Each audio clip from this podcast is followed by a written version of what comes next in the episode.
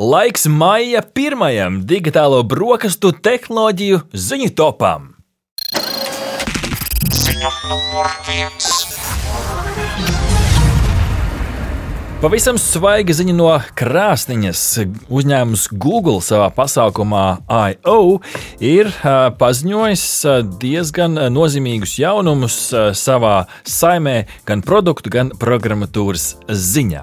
Šis gads noteikti nelika vil vilties, jo ir pievienojušies jauni Pixel ģimenes viedierīču biedri, konkrēti vietārunis Fold planšetdators tablet un budžeta vietā runas 7A. Un, protams, konferences biežākā abreviatūra, kas tika pieminēta, bija AI, jeb mākslīgais intelekts, tas dominēja visās sarunās. Sāksim ar ierīcēm, un tad Rihards pastāstīs par mākslīgā intelekta pusi. Pixel Fold, kā ziņo portāls The Verge, iezīmē salaukāmo vietā ruņu tirgus tādu paplašināšanos. Šis ir pirmais Google pieteikums konkrētajā kategorijā. Telefons izceļas ar platu priekšējo ekrānu 5,8 colas it kā nav daudz, taču platums ir lielāks kā līdz šim novērotajiem konkurentu vietāruņiem, un 7,6 colas vidū, protams, OLED 120 Hz atsvaidze. Viss, uh, vis, protams, kā flagmaņa cienīgam telefonam. Pixel tablet uh, savukārt ir trīs reizes lētāka ierīce, 11 colīgs planšetdators, gan cita kategorija. Uh, tableti kā tableti, kā sacīt, jāsaka, taču no pārējiem to atšķir magnētiskais statīvs, kurš uh, ir līdzīgs uh, priekštečiem Google uh, šīm te planšetdatoriem, kas vairāk bija tādi mājas ierīces. Šoreiz statīvs nāk līdzi magnētisks, tātad tu vari uzlikt planšeti uz statīva, un tas kalpo arī kā skaļrunis. Un visbeidzot, jau pieminētais budžeta klases vietā runas 7A ar pieticīgāku komplektāciju, joprojām teikt, ka normāla komplektācija, taču daudz finansiāli eh, pieejamāk tiem, kam patīk Google Pixel 7. sērija. Nu, lūk, kārtējais salokāmais vietārunis, un mēs varam cerēt, ka arī lietotnes pielāgosies salokāmai vietārunim. Savējās jau Tieši tā, un tas būs iegūms ne tikai uh, šī pixela salokāmā vietāruņa lietotājiem, bet par mākslīgo intelektu. Jā, patiesi mākslīgais intelekts turpina dominēt, un tas ir ienācis arī Google meklējumos. Um, piekrītot Search Generative Experience, jeb mākslīgā intelekta ģenerētajai meklēšanas pieredzei, lietotājs veicot klasisko Google meklējumu virs atradumiem redzēs arī mākslīgā intelekta uzģenerētu atbildi uzdotajam jautājumam. Un starp citu, atbildi pēc tam vēl varēs pieslīpēt, uzdodot to čata formātā, jautājumus, mm. lai to papildinātu. Uh, un, ja Bard, jeb Google mākslīgā intelekta tērzētājs beidzot esot pieejams visiem, tātad uh, vismaz ziņas tapšanas brīdī gan uh, Latvijā tas nestrādāja, bet nu, tā teikt, cerams, ka drīz būs. Jā. Un papildu tam esot uzlabota sasaiste ar teksta ģenerēšanu docs vai Gmail programmās. Nākotnē mākslīgais intelekts piedāvās automātiskas atbildes SMS un ekrāna tāpēc uzbūrs mākslīgā intelekta radošā puse. Arī Google Photos iegūs mākslīgā intelekta spēcinātu maģisko bilžu rediģētāju. Google Maps populārākajās pasaules vietās saņems 3D skatu kartei, lai var izvēlēties, jā, tā, lai var izvēlēties maršrutu, kurš labāk iet pie sirds. Un visbeidzot, vietpūksteņi saņems jaunu Wear OS 4 versiju. Es laikam visvairāk esmu patīkams satraukt par šo vietu, un ceru, ka izdosies mums arī šeit Latvijā to notestēt. Un es ceru, ka būs vēl viens spēlētājs arī Latvijas plauktos, ne tikai internetā pasūtāms, bet arī arī reāli nopērkams. Es teiktu, ka beidzot ir, ir laiks, ir laiks, jo konkurence, protams, veicina izaugsmi. Ziņa numur divi.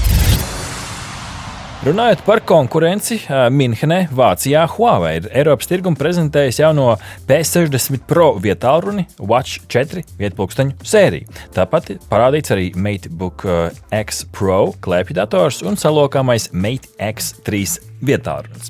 P-sērija, konkrēti šī vieta tālruņa sērija, protams, veidot vairāk, lai uzrunātu cilvēkus, kam būtiska fotografēšana. Ar to patiešām šie tālruņi izceļās, to mēs esam arī pieredzējuši mūsu testos, un flagmanis ir saglabājis tā optisko sistēmu un estētisko dizainu, taču tādā modernākā versijā. Īpaši tiek izcelta konkrēta niša, tā ir, tās ir fotografijas sliktos gaismas apstākļos, naktī vai ierobežotā gaismas daudzumā. Jo, protams, Rihard, nav jau vairs daudz kur augt. Kaut kas ir jāuzlabo, un šis ir tas, uz ko savas kārtas liek Huawei.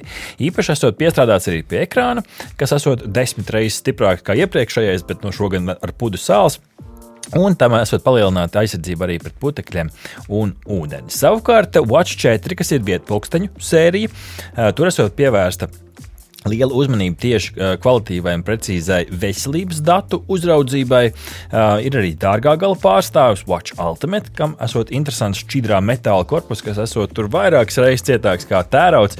Nu, šo arī, protams, man katru reizi, kad šajās reklāmās un stāstos ir tās reizes, gribēs vienmēr prasīt, ar ko mēs salīdzinām un tā tālāk, bet uh, nu, tomēr izturīgs paliek izturīgs. Un tāpat esot uzlabots arī akumulātora darbības laiks. Un pavisam beidzot, pieminot, eh, jau minēju, ir jauns klēpju dators, MateBook X Pro, kam lielākā šis trumpis tam ir tā plānums, patiešām. Uh, MateBook 16S ir ar uh, lielāku ekrānu, 2,5 uh, kā ekrāna izšķirt spēju, un tāpat pavisam beidzot pieminot, un šo tomēr gribu izcelt Mate X3 vietārunas. Mūsu testos bija starp citu X2 vietārunas. Kopumā es teiktu, ka labs konkurents citiem, ja, protams, piemiedz acis uz Google Play Store nepieejamību. Jā, nu man katrā ziņā nedaudz amizants likās šis stiprā stikla nosaukums - kunļunglās. Mm -hmm. jā, tā nu, gorila glāzes tur nav. Jā, šeit, ir, šeit ir cits. Es laikam nemēģināšu testos notestēt, kurš ir spēcīgāks. Pārāk dārgi testi. Sarunāts, jā, bet ja jūs vēlaties redzēt, ko mēs un dzirdēt, ko mēs esam testējuši iepriekš, tad noteikti varat raidījuma arhīvā atrast um, atskatus, apskatus par salokāmiem Mate X2 un P50 pocket vietāluņiem, un kā arī ar Watch GT3 Pro vietpūksteni. Ziņa numur 3.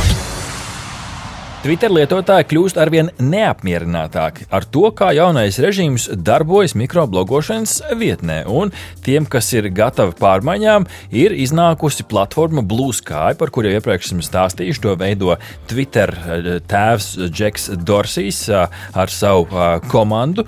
Un tas ir pieredzējis tādu kā lietotāju skaita pieaugumu, kas, protams, ir vērā ņemami, jo nav jau tik daudz to jauno spēlētāju.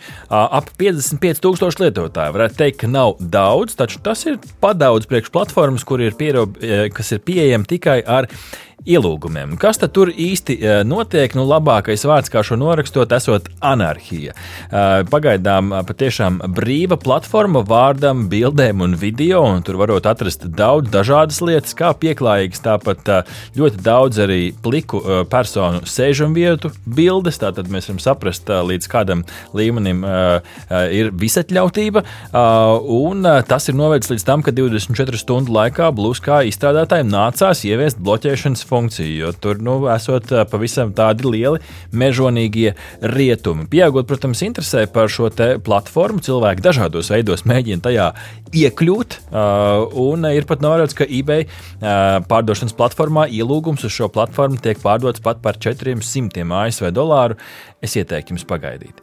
Platforma Twitter gan, protams, arī nestāv uz vietas, lai no tā, ka mēs tikai nomelnojam Twitter, arī Twitter iet uz priekšu, katram savs viedoklis par to, kā tas notiek. Taču, kā stāsta portāls kursors, tad mēdījiem būs iespēja iekasēt maksu par atsevišķiem rakstiem, tātad par iespējams kvalitatīvo žurnālistiku, kas prasa lielāku ieguldījumu. Un kā ziņo Ilons Masks, tad platforma plānots attīrīt no neaktīviem kontiem. Nav gan precizēts, kas ir neaktīvs, bet ja jums ir tā saucamie burner accounts, jeb konti, kur, kuros jūs tikai iet ļoti retu reizi, iesaku kaut ko ietvītot. Jā, nu mēs tam citu arī LSM Instagram konta sekotājiem jautājām, vai esi dzirdējis, vai pat varbūt pievienojies jaunajam sociālajam tīklam Blue Sky, tad nu, nav pārāk liels pārsteigums, ņemot vērā, ka tikai tik neliels tas lietotāju skaits. Jā, atbildēja 1% no, no visiem atbildžu sniedzējiem, nu, tad attiecīgi pārējie teica, ka vai nu nav dzirdējuši, vai nav pievienojušies. Protams, jā, kā jau Arts minēja, tur grūti ir iekļūt. Un, Man interesantāk šķiet, nu kā Twitterī to sauc par Twitter tvītiem, bet kā sauc uh, blūzkai šos ierakstus? Jā, nu mēs varētu radīt kaut ko interesantu. Noteikti. Par skītiem. Nu, tur domāts debesis un čivināšana, tā kā sky, tweet, skīt. Es nezinu, nu, jā. Jums vajadzētu latviskot to kaut kā. Ko to šorīt uh, ieskītoja, Rihard? uh, jā, iedebesoja. Iedebesojas. Nu, uh, lai tas aiziet, lai tas aiziet. Ziņa numur 4. Norvēģijas jaunu uzņēmumam NRX piešķirts 13,3 miljonu ASV dolāru liels līgums. Par ko? Patiesībā par ļoti interesantu projektu. Testa indukcijas uzlādes sistēma vienas jūdzes garam lielceļam ASV Floridas štatā.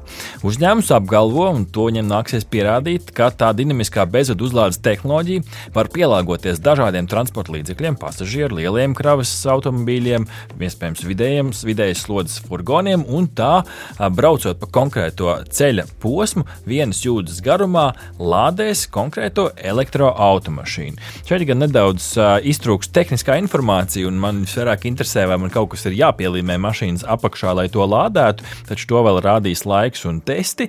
Katrā ziņā NRX izpildu direktors Bjērns Elders Petersens sola, ka līdz ar šādu tehnoloģiju ienākšanu varētu pazust elektroautobīļu īpašnieku uztraukums par nobraucamo attālumu un garās uzlādes pauzēm, kas varētu būt pa vidu. Un kā informē portāls Techspot, tad, protams, līdzīgas tehnoloģijas pastāv jau vairākus vairākus gadus, bet tās nodrošina salīdzinoši mazu uzlādes ātrumu līdz 100 kW. Šeit tiek runāts par daudz lielāku uzlādi, tomēr tā ir tikai viena jūdze. Viena jūdze ir īpaši uz ASV lielceļiem, kur viņi brauc ar 90 jūdzēm stundā. Bieži vien nu, tas ir patiešām liels ātrums, un tai uzlādē ir jābūt zibenīgai.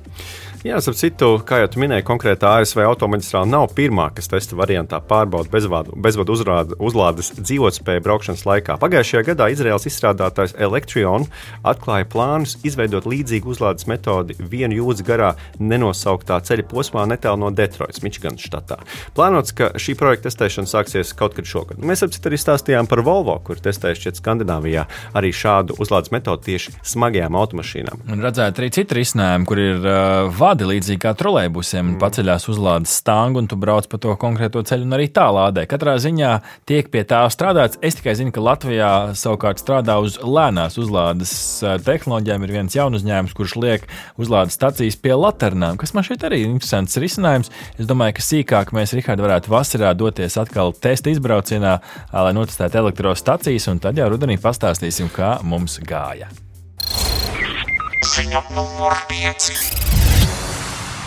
Un noslēgsim digitālo brokastu tehnoloģiju ziņu topu arī ar vienu mākslīgā intelekta stāstu. Šoreiz eh, mazāk ar tehnoloģijām, vairāk ar eh, varbūt tādu politisku galu, bet eh, tomēr Baltais nams pie sevis ir pasaucis pārstāvus no Google, Microsoft un OpenAI uzņēmumiem, lai aicinātu aizsargāt sabiedrību no mākslīgā intelekta potenciālajām briesmām.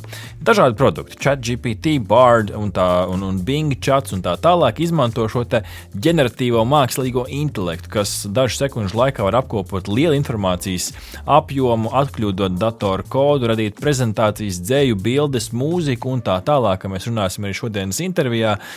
Taču Baltais nams ir satraukts par potenciālajām briesmām, kas no šī var radīties. Nu, tur tas saraksts, kur lai sāk - fake news, interneta resursu pārrakstīšana, vienkārši faktu samelošana. Nesen, starp citu, man mākslīgais intelekts paziņoja, ka latviešiem ir vairāki kosmonauti. Viens esot dzimis saldu, otrs esot tur padomju laikā lidojis. Nu, neviens no šiem faktiem, protams, nebija. Tie varbūt tie patīkamie meli. varbūt patīkamie. Jā, nu, tomēr jāuzsver tas, ka nu, tādi šīs tehnoloģijas aizstāvi, kā Bills Gates, ir cenšies atspēkot šos aicinājumus, apturēt mākslīgā intelekta um, nu, attīstību uz kādu laiku, sakot, ka nu, šāds solis patiesībā jau neatrisinās tos gaidāmos izaicinājumus. Mēs principā tikai tos nedaudz atliekam un noteikti būs kādas pasaules daļas, kur tā attīstība turpināsies. Un uh, Geits apgalvo, ka būtu labāk koncentrēties to, kā vislabāk izmantot mākslīgā intelekta attīstību un es gribu nākt ar fanfārām un taurēm un pirmo reizi publiski paziņot, ka 10. jūnijā sarunu festivālā Lampa pulkstens sešos uz digitālo brokastu skatuves mēs arī runāsim par mākslīgo intelektu, tā pielietojumu dažādās izpausmēs. Sīkāk meklējiet, tiklīdz publicēs festivāla Lampa programmu. Tur būsim arī mēs. Es ceru, ka jūs pievienosieties vai nu klātienē, vai pēc tam attālināti. Taču šobrīd, Rihard, atlikušajā minūtē man priekš tevis mums ir Viktorīna, Viktorīna, Viktorīna. Tā ir atgriezusies digitālajās brokastīs un pavisam interesants jautājums, ko varbūt arī jūs, skatītāji, pat nemaz nezinājāt. Viens no mākslīgā intelekta pionieriem tiek uzskatīts matemātiķis Alans Čūrings, kurš 1950. gadā sarakstīja zīmīgu rakstu. Kāds bija tā nosaukums? Rihards, četri varianti un lietas savu cepumiņu. Mm -hmm. cilvēces gals, otrs variants - vai mašīnas spēj domāt, trešais variants - mākslīgā intelekta ziema, vai ceturtais variants - mašīna viens, cilvēks nulle. Hmm. Domājam, klausītāji, kādi ir jūsu varianti? Reini, par ko tu balso? Pirmais, otrais, trešais vai ceturtais? Ceturtais Reinis liek uz ceturto, Rihards. Es uh, lieku uz uh, to, vai mašīna spēja domāt. Vai mašīna spēja domāt? Jā. Nu, šajā cīk, cīkstiņā ir uzvarējuši visi tie, kas lika uz otro variantu, vai mašīnas spēja domāt. Interesanti, uh, ko Alans Čūrings ir sarakstījis. Nesmu lasījis, bet man arvien vairāk gribās izlasīt, ko tad šis pareģis ir savulaik uzrakstījis. Darbie klausītāji, ja arī jūs vēlaties uh, izteikt savu viedokli par uh, šīs nedēļas ziņām un dažādām aktualitātēm, tad sekojam LSM.CLV Instagram kontam, kura uh, nedēļas sākumā mēs ievietojam jautājumus tieši stāstos, jeb storiju sadaļā, un varat izteikt savu viedokli un iespējams ierosināt, par ko vēl nākotnē varam parunāt. Aha! Paldies, ka noklausījāties mūsu līdz galam! Ja patika, uzspiediet like, atstājiet komentāru vai padalieties ar draugiem. Un nobaudiet arī citas epizodes, kā arī sekot mums, lai nepalaistu garām savu ikdienas tehnoloģiju ziņu devumu.